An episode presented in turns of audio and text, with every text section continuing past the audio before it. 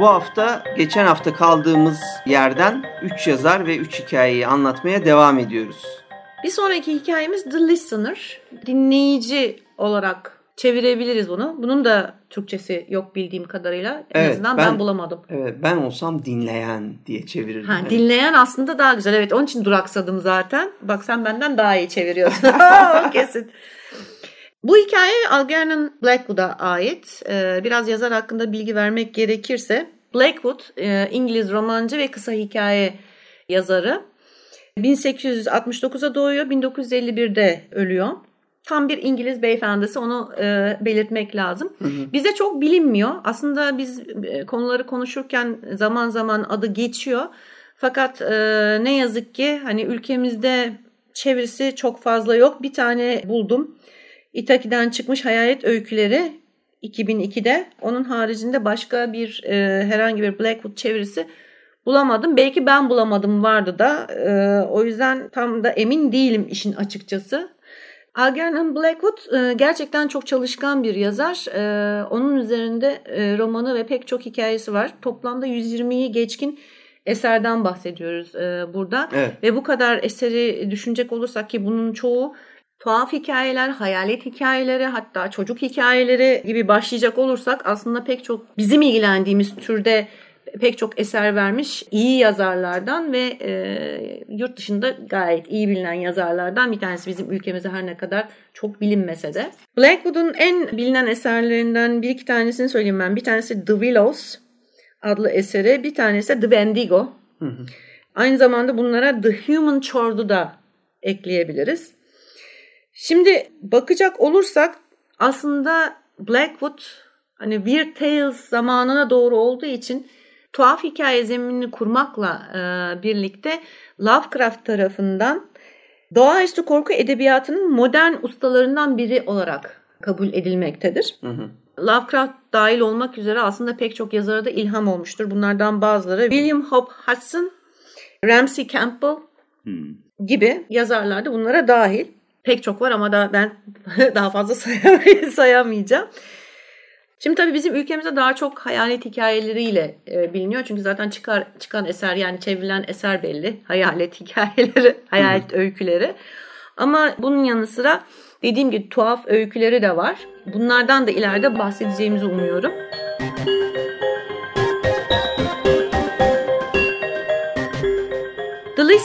Tam manasıyla bir doğaüstü korku hikayesi ama aynı zamanda zamanın korkularına da e, ışık tutuyor. 1907 yılında e, yazılmış.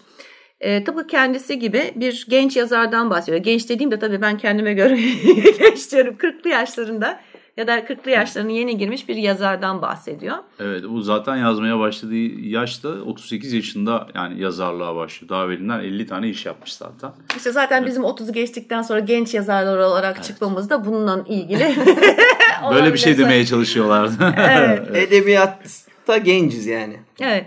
Ee, kısaca hikayeyi özetleyecek olursak 40'lı yaşlarında bir e, yazarın kendini toplumdan e, soyutlayıp ama şehir hayatı içinde e, kendine ucuz ve toplumdan uzak bir bir değil hatta iki oda bulması ve burada yaşamaya başlaması çalışmak için ideal bir ortam olarak düşündüğü bu yerin bir süre sonra onun aklını karıştırması ki bunun içinde daha sonra bahsedeceğimiz işte e, ona miras kalan bir akıl hastalığı ondan sonra ve kendini ihmal etmesi de dahil olmak üzere pek çok unsur var. E, fakat giderek aklını e, yitirme noktasına gelmesi, sürekli bir hayalle gerçek arasında sıkışıp e, kalması ve nihayetinde de aslında kaldığı yerle ilgili korkunç gerçeği öğrenmesi. Hikayenin özeti bu. E, pek çok element taşıyor, pek çok özelliği var hikayenin. Kurcaladığı pek çok şey var ama şunu söyleyebiliriz toplamda. E, gerçekten iyi düşünülmüş, tüm elementleri ve klişeleri kullanılmış. Yani bizim için bugün için klişe olarak betimliyoruz bunları tabii. E, bütün özellikleri, elementleri kullanılmış.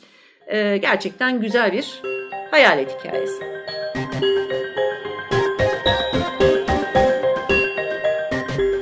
Algernon Blackwood aslına bakarsanız birçok manada e, çağ dışı kalmış bir yazar. Lovecraft'ın çok sevip ilham aldığı yazarlardan bir tanesi. Çünkü kendisi gibi yani Lovecraft'ın kendisi gibi e, yaşadığı bulunduğu çağa ait olmayan bir e, yazardan bahsediyoruz. Ya da anlattığı hikayeler tamamen geçmişe e, ve geçmişin şeylerini, kriterlerini e, dikkate alarak yazılmış şeyler oluyor.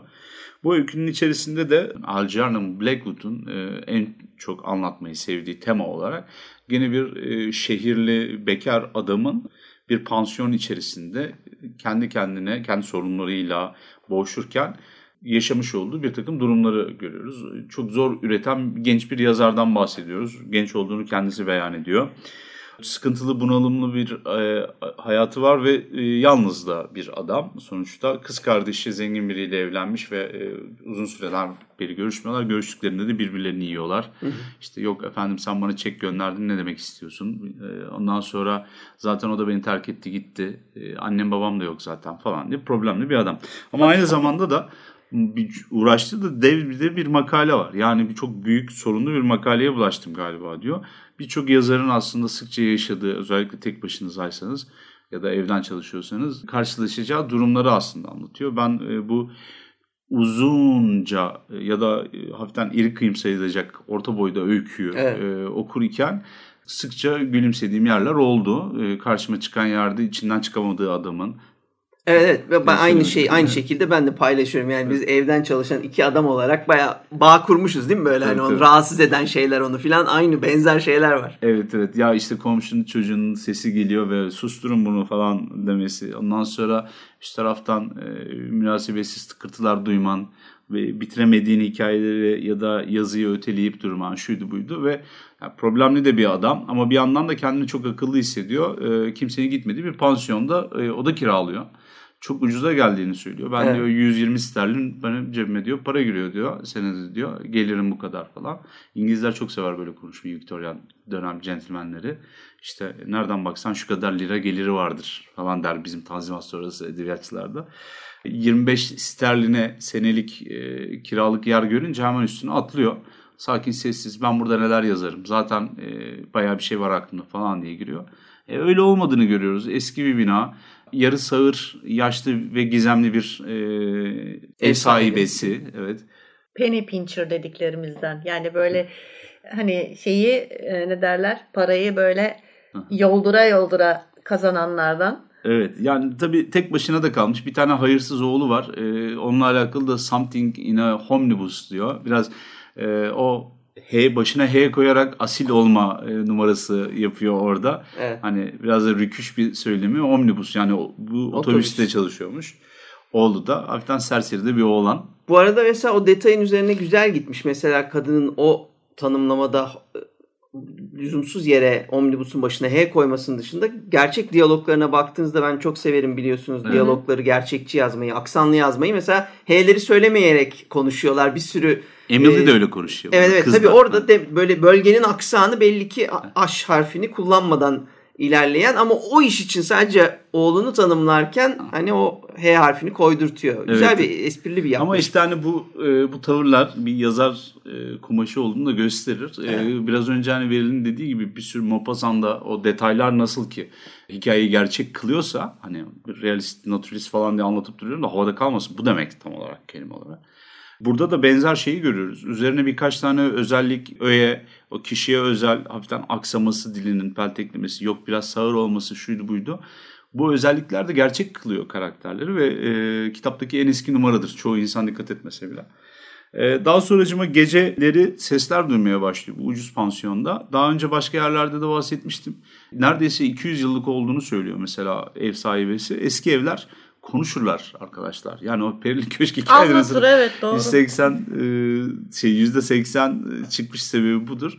Çünkü hani e, kullanılan tahtalar, ondan sonra kalorifer boruları, e, ısıtması, soğutması, aksamı, kapı kirişleri, rüzgar vurur, konuşur gıcır gıcır.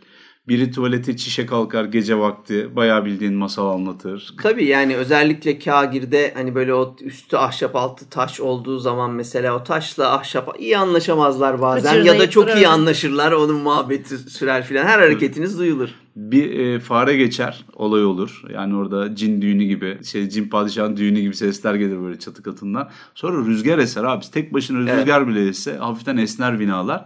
Gıcır gıcır o sesleri duyarsınız. Bir de şey de var tabii. Şimdi bu tam olarak şehrin ortasında bir yer. E, Fakat e, şehrin sesini çok alan bir yer değil. Yani aslında izole bir yerden bahsediyor. Yani özellikle oturduğu kendi odası vesairesi şusu busu. İzo- izole olmuş bir e, ortamda e, ve hiç sormadan yani benden başka biri var mı, komşu var mı vesaire var mı, başka kalan var mı diye sormadan yani geçmişini hiçbir şeyini araştırmadan ucuza bulduğu için giriyor. Tabii, Ve onun için diyor. mükemmel bir yer yani yazmak için ideal bir yer olarak giriyor. Fakat hani ilk önce sesler normal geliyor büyük ihtimalle fakat kimse olmadığını öğrendiği zaman işte orada işler karışıyor. Tabii. Şimdi bu yazarken ya da çalışırken sessizlik e, mevzusu çok karışık. İnsandan insana da çok değişiyor. Bu tarz evler var. Mesela Kadıköy gibi, Taksim gibi, Beşiktaş gibi e, çok ayak altı olan da yani bayağı insanların gelip gittiği gün içinde ya da hafta sonunda nüfusu 1-2 milyona çıkan yerler bile sonuç itibariyle bu tarz eski e, gürültüden uzak ara sokaklarda bulunan evlere sahipler. Evet. Benim e, Kadıköy'de oturduğum biraz daha aşağılarda kalan yerde mesela bizim bir üst sokağımız hatta benim sokağımda bile e, çok fazla arabanın geçmeyeceği kör noktalar var ve orada da eski böyle kagir evler var. Ve bu evlerin de ben ne kadar sessiz olacağını tahmin ediyorum. Bir de şu var. Şimdi tamam sessiz şöyle sessiz. insandan sessiz ama doğa, doğal olarak kendi sesleri var demin söylediğimiz gibi. Sadece 200 yıllık, 200 yıllık olmasına da gerek yok. Yani ben kendi babaannemin evinden hatırlıyorum. Onun müstakil de evi. Şeyler gıcırdardı mesela salondaki yer Döşemeler. gıcırdardı. Yani girdiğin zaman hani şimdiki gibi hani beton üzerine şey koyuyorsun ya ne, ne derler laminant falan filan koyuyorsun. Hani bunlar bile şimdi hafiften yürüdüğün zaman sesi ama tabii. O zaman bahsettiğimiz şey onu hani mesela muşamba veya halı ya da halı flex diyelim. O bile esniyor yani bastığın zaman ve gıcırdıyor. Eskiyor bir de tabii. E tabii, Tabii. tabii genleşiyor. Tabii de bir de zaten e, 200 yıl deyince mesela şu anda 2019'dan 200 yıl geriye e, insanların aklı gidiyor olabilir ama şu anda 200 yıllık bir bina den- dendiği zaman belki de 1900 yılında 1800'lerin sonunda yazılmış bir öykü düşünürseniz 1600'lerde yapılmış bir evden bahsediyoruz. Ben e, o tarz evler gördüm. Bunlar büyük ihtimalle 50-100 senede bir bakım görmek zorundalar. Öbür türlü dayanmaz. Yani öyle söyleyeyim. O zaman kullanılan kiriş, sütun e, şeyleri, ağaçları falan haca doluyor. Yani bir böcek girmesine falan da gerek yok. Eskiyor kardeşim ağırlıkla beraber büzüşüyorlar falan. Ben şeyi hatırlıyorum. İngiltere'ye okumak için gittiğimde ilk şehre giriyoruz. Yani büyük şehre giriyoruz işte Londra'ya giriyoruz. Londra'ya girdiğimizde bir baktık.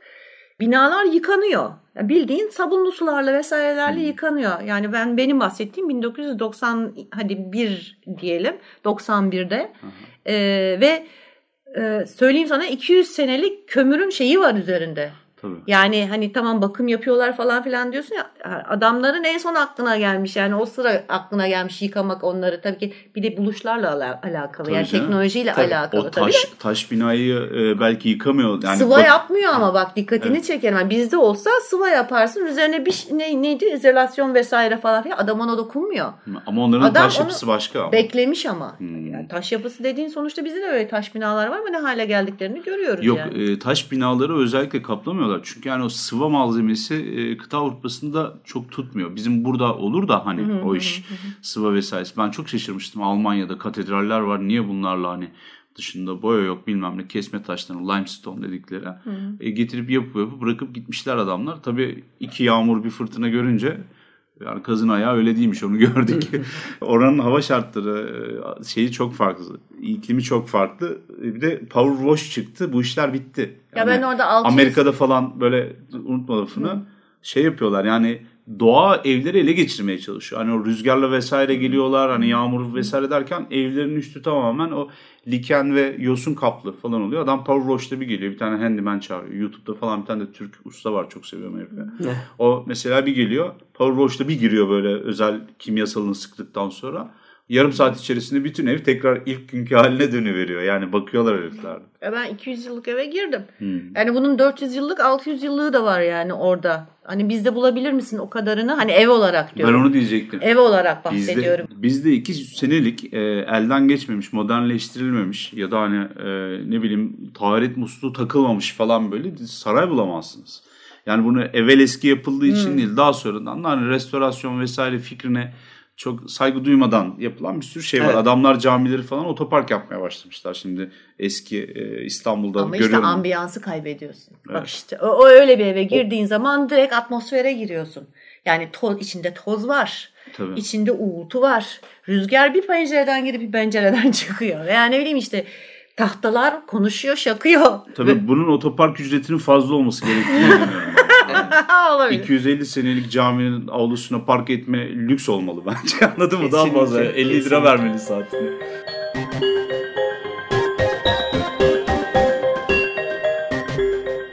Ve Blackwood'da zaten böyle bir ev anlatıyor. Böyle bir evin içinde, böyle bir iki odanın içinde yaşayan e, yazarımızı anlatıyor. Burada edebi anlamda da klasik, bugün artık e, Berlin demin söylediği klişeye dönüşmüş ama yazıldığı sırada belki de e, o kadar e, çok klişeleşmemiş. Çok güzel korku e, öyküsü anlatmanın e, yollarını kullanıyor. Bunlardan bir tanesi günlük olarak yazıyor, tarih atıyor e, bu epistolary dedikleri e, öykü şeklinde yazıyor. Bizim de sanki bir işte buluntu kayıt e, bulmuşuz gibi bir hisse bizi kapıl, kapılmamıza sebep oluyor.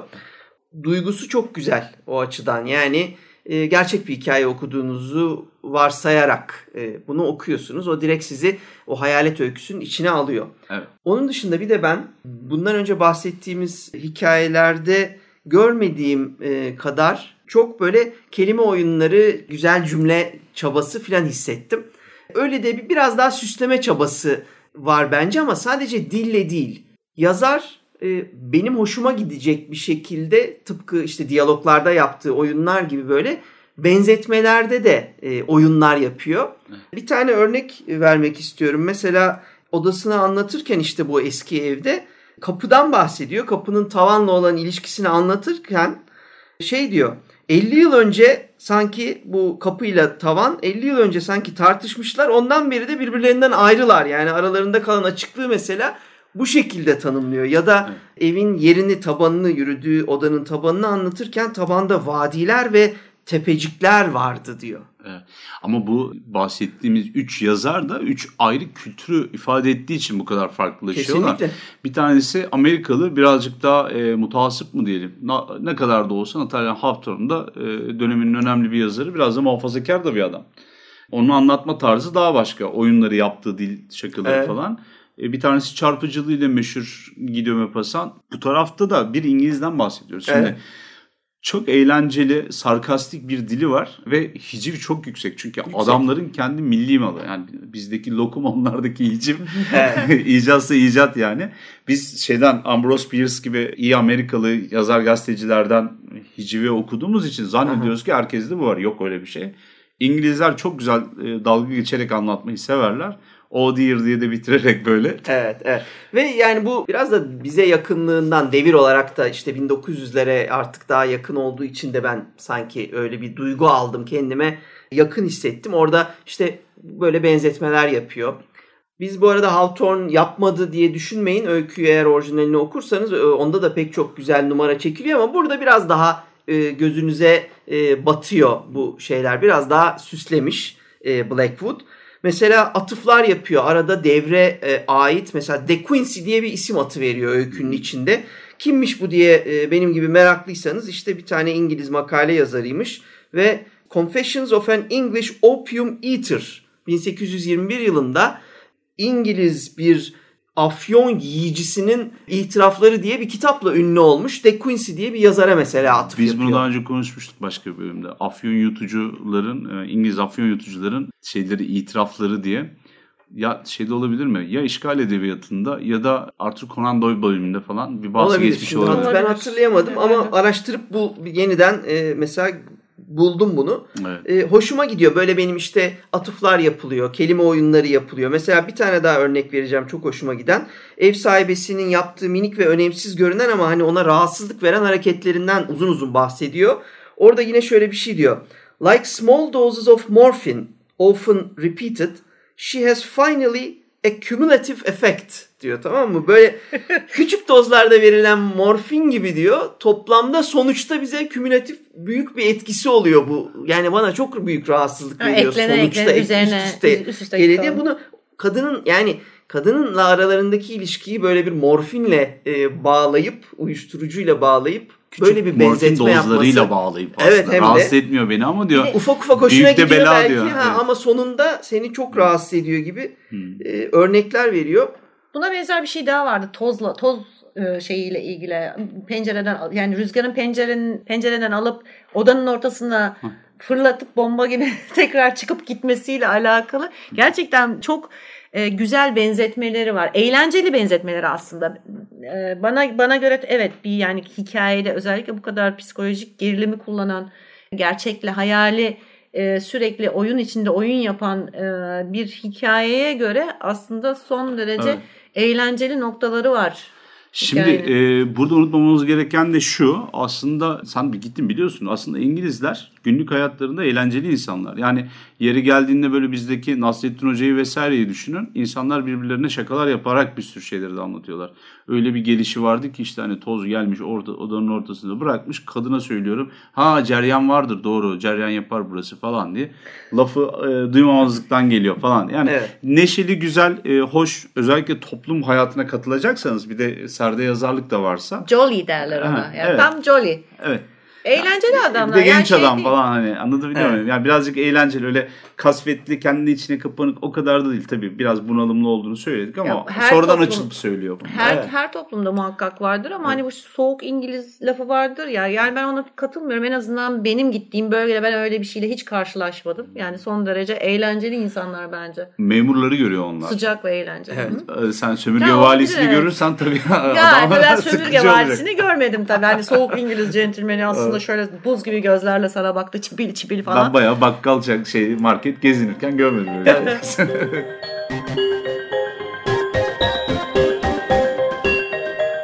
Öyküde ben bir de şunu fark ettim. Yani biraz daha önceki öyküler Hawthorne ve e, Maupassant'ın öykülerinde ben çok daha derli toplu. Belki biraz daha kısa olmalarından da kaynaklı olabilir bu hissiyatım ama giriş gelişme ve sonucu çok derli toplu hissettim. Fakat Blackwood'da ben şahsen yakın daha yakın zamanda olduğu için daha derli toplu bir şey bekliyormuşum. Okurken onu fark ettim. Yani giriş var okey. Fakat gelişmede benim hissettiğim kadarıyla çok dağılıyoruz. Ve ondan sonra da sonuç belki de işte e, yine bu Soylent Green'de başta e, anlattığım gibi e, hissettiğim çok alışkın olmaktan dolayı benzer hikayeler duymaya aslında bu kadar büyük bir gelişmenin hakkını veremiyormuş gibi geldi bana.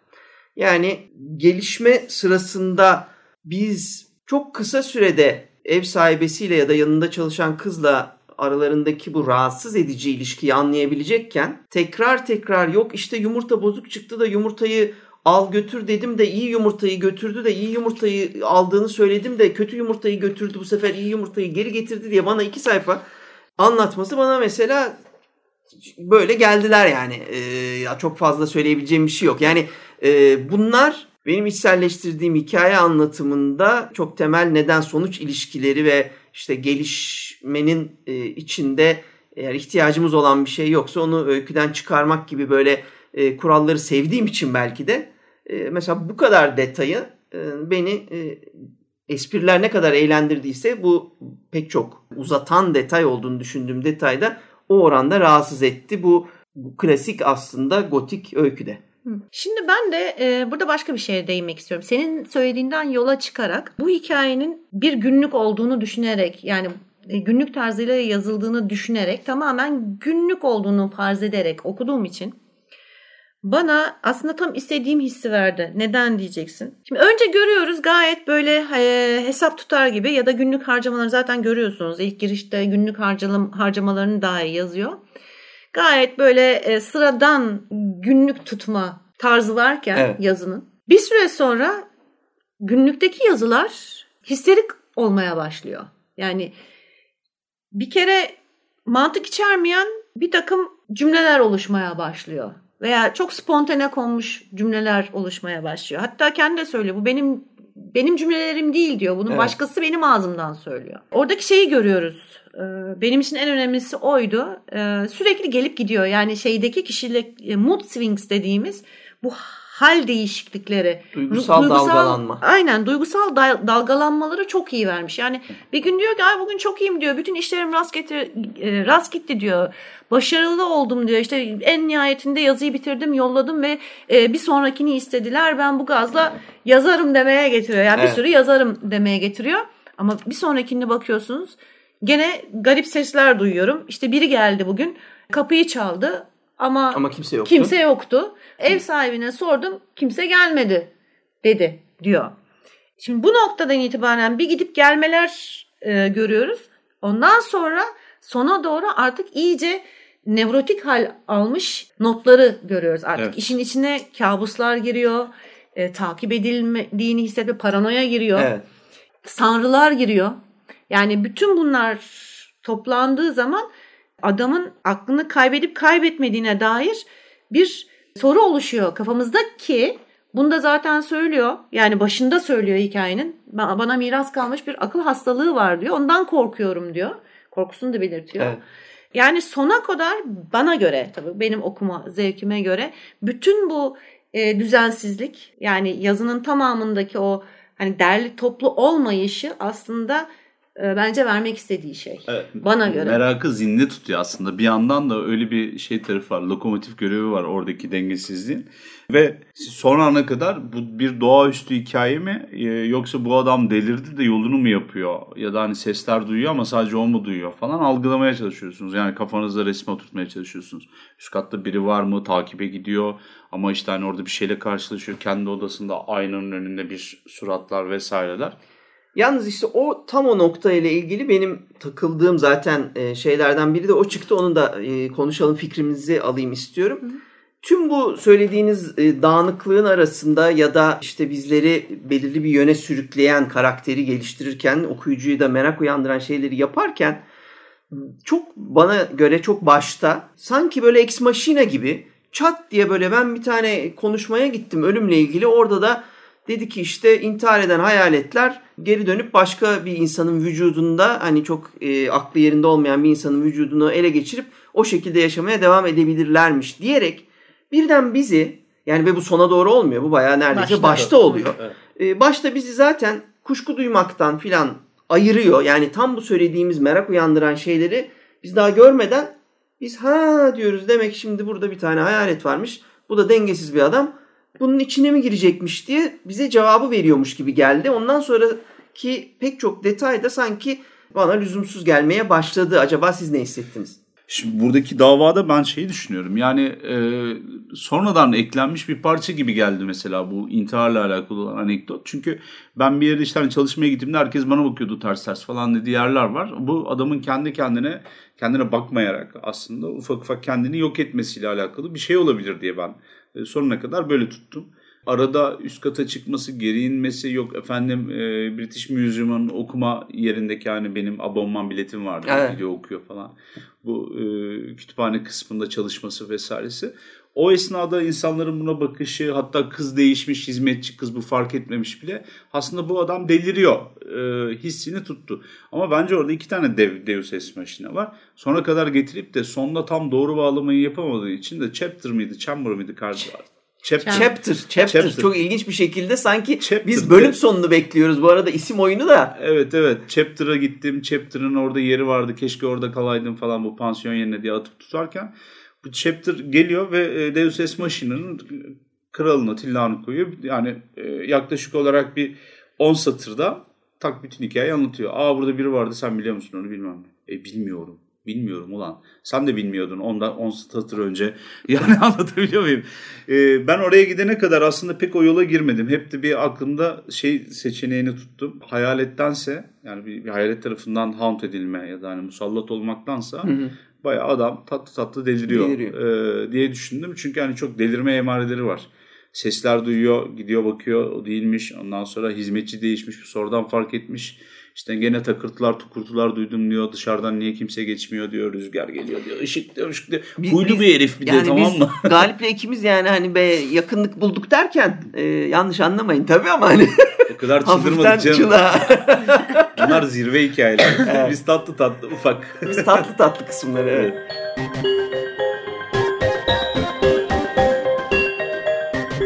Şimdi ben Galip'e katılıyorum e, şu açıdan. Ben de orada bunun bir kehanetten çok aslında bir oyun olduğunu düşündüm. Şöyle oyun olduğunu düşündüm. Gereklilik yani şöyle söyleyeyim bir oyun ve gereklilik olduğunu düşündüm. Çünkü ondan öncesinde zaten bir e, kırılma görüyoruz. Bu kırılmanın sonucunda da bir takım şeyleri taktığını görüyoruz. Şimdi mesela dışarıda çocuğun işte e, arabasını tıkırdatması, e, işte ne bileyim e, içeride gene tıngırdaması veya işte kedilere takması. Bir kere evin tam önünde bir kedi ordusu var ve bu kedi ordusuna bir anlam yüklemesi. Yani burada bir kırılmaları görüyoruz. Şimdi bu şekilde bir kırılma olmuşken hemen ertesinde böyle bir toplantıya katılıp oradaki işte yarı uykuyla uyanıklık arasındaydım diye böyle hani algıda seçicilik derler ya yani o kısmı alması ve bir şekilde düşüncesine yapışması ve onu şekillendirmesi Galip'in dediği gibi bana biraz paranoya gibi e, geldi. Yani evet bunu alabilir gayet bir şekilde yani gayet güzel bir şekilde bunu e, hikaye kendi kafasında hikayeleştirebilir ve bu delirmesinin sonu şeyidir e, sonucudur aslında diye okudum ben Evet. bu şeyi. Mesela iki tane örnek var orada. Karda yürüyor şey şemsiyesi önünde. Evet. Ee, bir adamın bacaklarını görüyor. Kaldırıyor adamın kendisine işte yüzü haricinde işte iri yarı bir adam olduğunu görüyor. Sonra tekrar e, mecburen şemsiyesini indirdiğinde Rüzgardan. tekrar kaldığında adam yok oluyor ve karda aya- ayak izlerini göremiyor. Gene dediğim gibi kedilere mesela bir anlamda e, düşman gibi görüp ertesinde bir tanesinin başını okşaması ve işte mesela o kedinin e, her ne kadar ona iyilik gösterdiyse bile kötü davranması yani şey gibi omen gibi ya da kehanet gibi görünüyor ama bir yandan da onun paranoyası gibi görünüyor. O yüzden ben hani o senin söylediğin şeyi biraz o hissi verebilmek için bir gereklilik olarak gördüm. Yani Evet. Hani bir ip şey değil de yol gösterme değil de Gözüne sokmak Evet. gibi değil yani. gibi değil de yani seni orada şeyde bırakıyor. Muallakta bırakıyor. Yani bu adam gerçekten deliriyor mu yoksa gerçekten bir parazitik şey var mı? Ruh var mı orada yani Evet. yapışıp kalan? Bu kedi davası da çok ilginç mesela. İyi bir ruhu anlatıyor. Şimdi hani biz bunu konuşup duruyoruz ama modern şehirli yalnız erkek ve orta sınıfa mensup e, diye bir edebiyat türü var. Belki bunun adı tam konulmadı ama korkuda çok var. Roman Polanski'nin e, bir sürü eserinde direkt bunu görüyorsunuz. Bir apartman yalnızlığı. Bizim Hakan Bıçakçı'nın muazzam çok sevdiği e, bir şey. Çok da iyi yazar bu gerilim türünü. Tek başına yaşayan genç bir e, adamın zaman içerisindeki e, evin tuhaflığı vesairesi üzerinden bu çıldırma noktasına gelmesi ve son sayfaya kadar neredeyse aynı burada olduğu gibi ya bu işin içinde doğaüstü bir şey mi var yoksa bu adamın kafa gitti ve uzatmaları mı oynuyor? Yani bu çok yaygın bir şey. Yani Rosemary'nin bebeğine kadar şeyini izlerini görüyorsunuz Evet. bunu. Bir şey ekleyeceğim hemen orada. Mesela e, kısa bir örnek bana biraz onu çağrıştırdı. Stephen King'in daha evvel bahsetmiştim. Sleepwalker'ın da vardır öyle kedi sürüsü. Evet. Kötünün peşinden gider ve, ve zarar verir kötüye. Hı. Şimdi burada da mesela o his var. Yani adamın hastalıklı veya adamın bir şekilde adamda yanlış bir şeyler vardı kedi. Hani buna Ben- karşı şey davranıyor, fevri davranıyor gibi. Evet. Aynı senin söylediğin gibi aslında kediyi orada bir şekilde muallakta bırakmak için kullanıyor. Tabii. Bir de kedinin şöyle bir artı tarafı var. Bu Elif e, diyor ki burada sıçan var ya diyor. Tamam ev sahibesi altında diyor ki "Ay, sıçan falan yok. Burada fare var. Fare var, Evet, küçük fare. Evet farenin hakkında gelecek e, kediler vesaireler var diyor. Ve kedi iyi bir rolde pozisyonda. Şimdi bu kadar çok ses duyduğunu iddia eden bir adam ve bunların da farelerden kaynaklandığı söylenirken kapının önünde birden fazla ya da hani bir sürü kedi görmesi normal.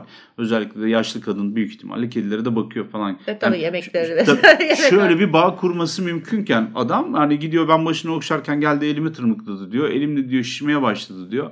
Ee, ya diyor el diyor kocaman olursa işte hani bu yüzden zehirlenebilirim falan. Düşünün bir de bu adamın internet çağına falan gelse çıldıracak. İlk bakıp Direkt Google'dan bakacak Allah'ım ölüyorum.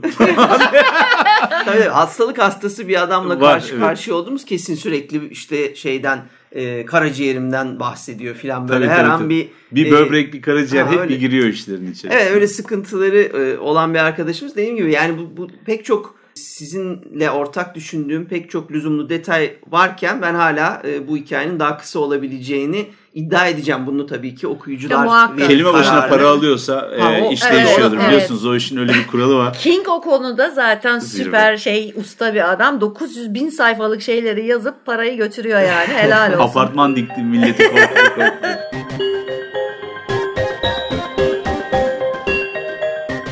Şimdi çok modern bir öyküden bahsediyoruz. Şimdi hani bir toparlayayım ben kendimce gördüğümü.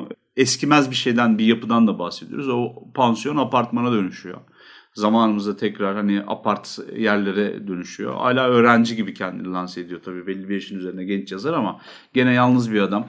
Hiç görmediğin komşuların var. Mesela bugünkü apartman yaşantısı da 3 aşağı 5 yukarı böyle. Özellikle bekarsınız, çalışıyorsunuz ya da evdeyseniz. Eve girip çıkarken bir defa karşılaştığınız adamlar var.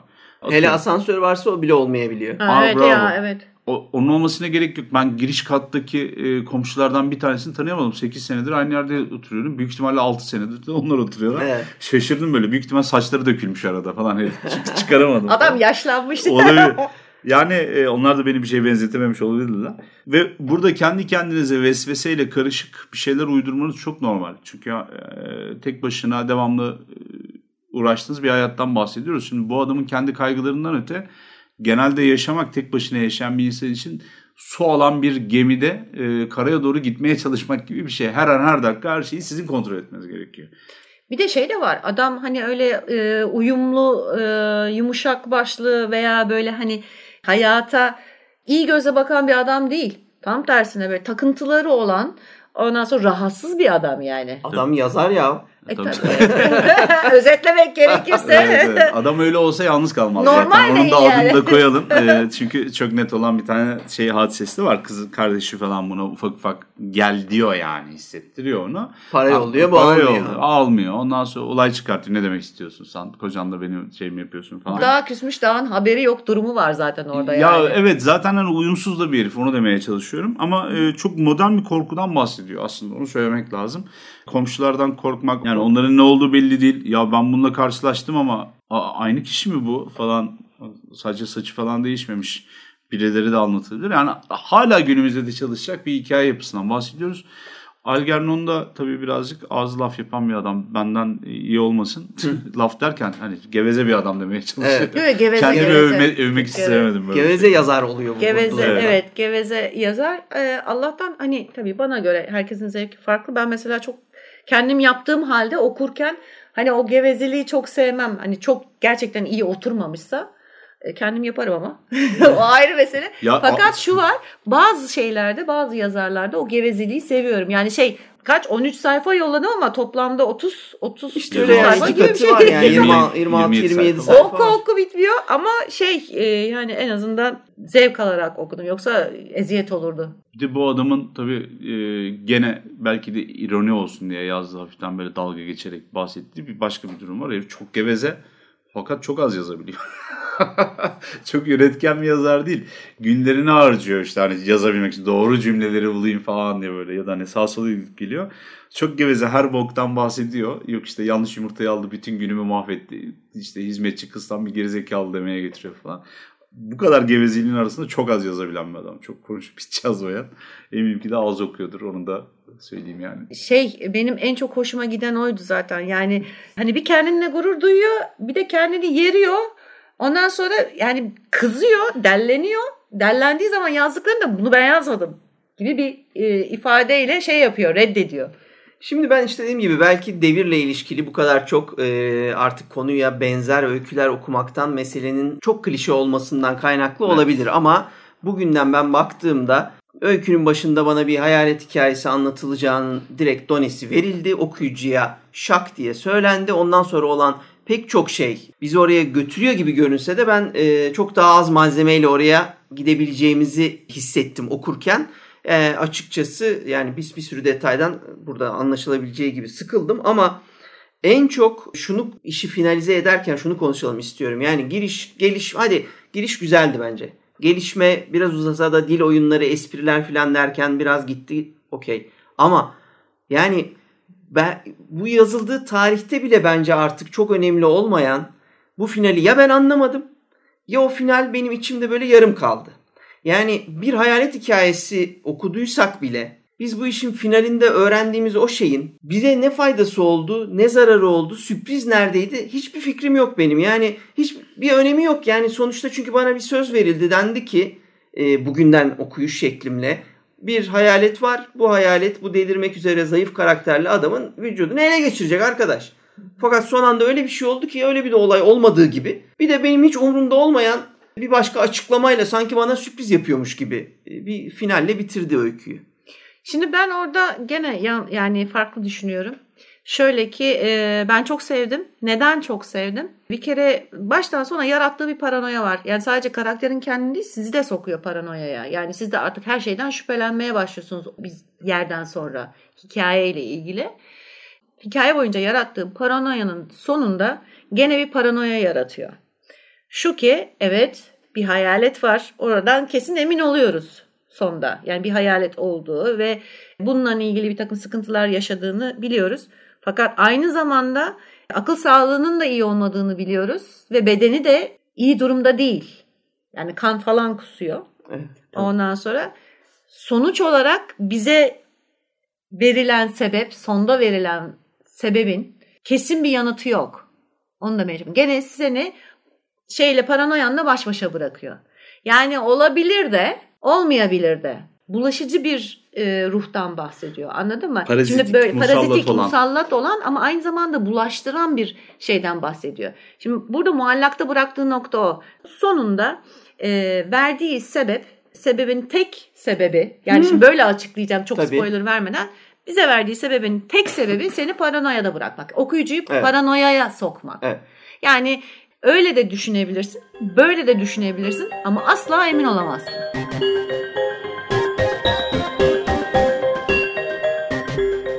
Valla bence o kadar uzun bir şey söylemiyorum. Böyle bir hayalet tarafı var ve adama hayalet musallat olmuş diye söylüyorlar. Elif çünkü ciddi ciddi görüyor. Hatta o hayaletin hayalet olmadan önceki, ölmeden önceki tipi adamın sondan bir önceki bölümde aynada kendisi sırtı dönük ama aynadan yansıyan yüzünü gördüğü aslana benzeterek evet. anlatmış olduğu şey.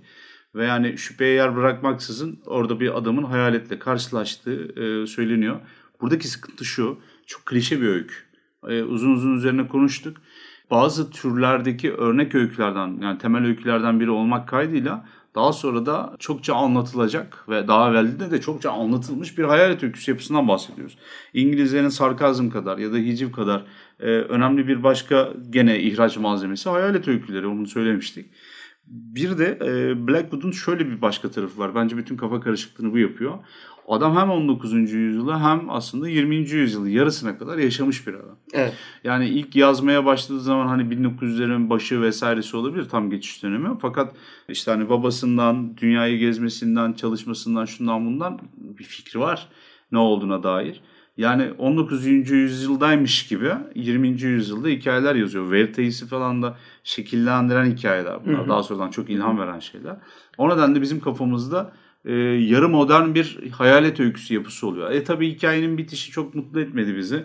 Daha çarpıcı bir şey bekliyorduk. Laf ebeliği yerine ya da hani hoş sohbet yerine daha keskin bir şekilde bitirilebilirdi.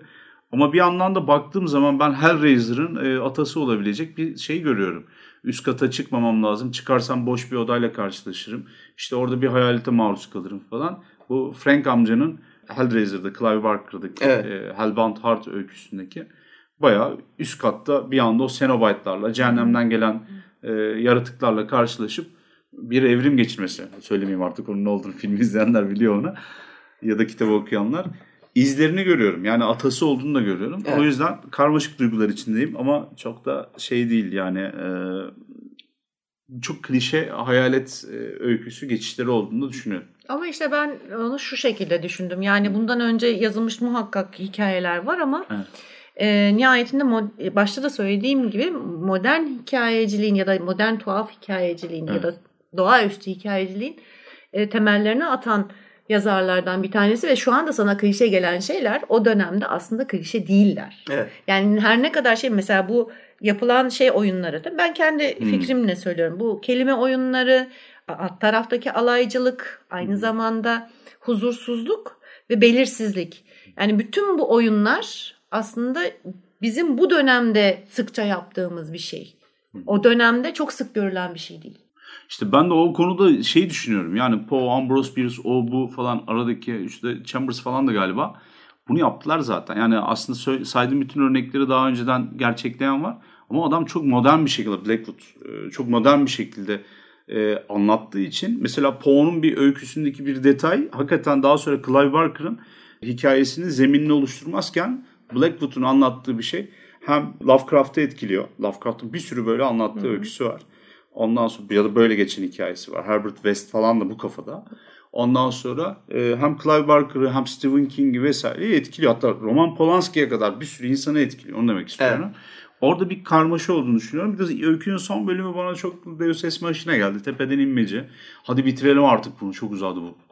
Yani diyen bir şey olduğunu Deus Ex Machina var yani zaten dediğim gibi başı da öyle başlıyor. Ee, sondaki ise belli, belli ki bambaşka bir şekilde bir içini bulmuş ben bulamadım içinde ha, o, o Değişik detayları. Evet güzel bir perspektif o.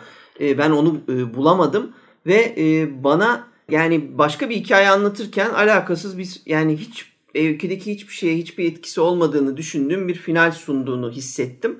Aradığımız cevaplara bizi böyle makine gibi götürürken sonra birden yolunu değiştirip ha bir de böyle bir şey vardı böyle de hadi burada bitirelim gibi bir hisle kendi içimde e, kapandığını hissettim. Bu tabii ki yani 30 sayfaya yakın öyküyü okuduk ve okutuyor öykü. Bu arada yanlış anlaşılmasın öykü pırıl pırıl öykü. Dili çok eğlenceli dediğimiz gibi pek çok burada benim de örneklerini arada verdiğim detaylar gibi pek çok detay var. Paranoyanın bence abartılsa da yani okuyucuya için bu kadar gerek olmadığını düşünsem de yine Berlin ve Galip'in detaylarını söylediği gibi çok güzel böyle adamı rahatsız edecek, paranoyak edecek detaylarında ince ince anlatıldığı başarılı bir öykü. Tabii uzun bir şey oldu. Biraz da maraton gibi bölüm. iki bölüm hatta anlattık ama bir şekilde edebiyat tarafında konuşmak, anlatmak gerekiyordu. Bu devamlı anlattığımız, bahsettiğimiz, adını andığımız yazarların aslında ne tür yazdığıyla alakalı, bizim görüşlerimizle ilgili bir şeyler söylemek gerekiyordu. E, Maupassant biraz hap gibi geçti ama ileride tekrar tekrar ele alıp anlatabiliriz. Ben bu konuştuğumuz üç yazar ve üç öyküyle alakalı e, etraflıca bir şeyler anlattığımızı düşünüyorum. Dinleyicilerimizin de açıkçası bu devamlı anlattığımız o karanlık romantizm, hayalet öyküleri, İngiliz hikayeciliği, şuydu buydu falan, gotik gibi şeyler hakkında bir fikri olduğunu artık düşünüyorum. O nedenle güzel bir seri olduğunu düşünüyorum. Belki devamında da belki daha modern yazarlarla işte hani daha daha eskileriyle olabilir. Yani bir Lovecraft koyup ondan sonra e, bir, bir Ray Bradbury öyküsü koyup ondan sonra Frank Ashton Smith'ler ya da e, Robert Bloch öyküsü koyup Çok tekrar var. bakabiliriz. Yani VRTS'e de getirebiliriz. Konuyu. Evet. Güzel bir seri olduğunu düşünüyorum. Öyküler çok derin. Şimdi bizim etrafımız sinemayla, bilgisayar oyunlarıyla falan çevrili yok Twitter'ıydı yok Instagram'ıydı falan derken insanlar korkuyu sadece o hoplatan zıplatan James Wan sineması zannediyorlar. Ya da bizdeki cin slasher'lar evet. zannediyorlar. Öyle değil aslında. Korku edebiyatı çok yüksek, çok derin bir şey. Yani 132 bölümdür bunu anlatıyoruz. Artık insanlar da bu işin biraz uzun olduğunu düşünmüşlerdir. Daha çok bölüm var. Evet. yani biraz uzun olduğunu düşünüyorlarsa bayağı bir sonunu bekleyecekler demek evet. oluyor çok önemli, kıymetli bir şey var ve tabii derin, önemli, edebi de bir e, çalışma. Bu bahsettiğimiz kişiler basit insanlar değiller. E, adamın ölümünün üzerinden 110-120 sene geçmiş. Diyorum biz hala burada bir öyküsünü ele alıyoruz. Hala kitapları yayınlanıyor e, bu kişilerin. Öyle düşünüyorum. İlginizi çeken şeylerden de devam edebilirsiniz. Dilediğiniz yazardan. Evet. Dinlediğiniz için çok teşekkürler. Gelecek bölümde görüşmek üzere. Görüşürüz. Görüşürüz.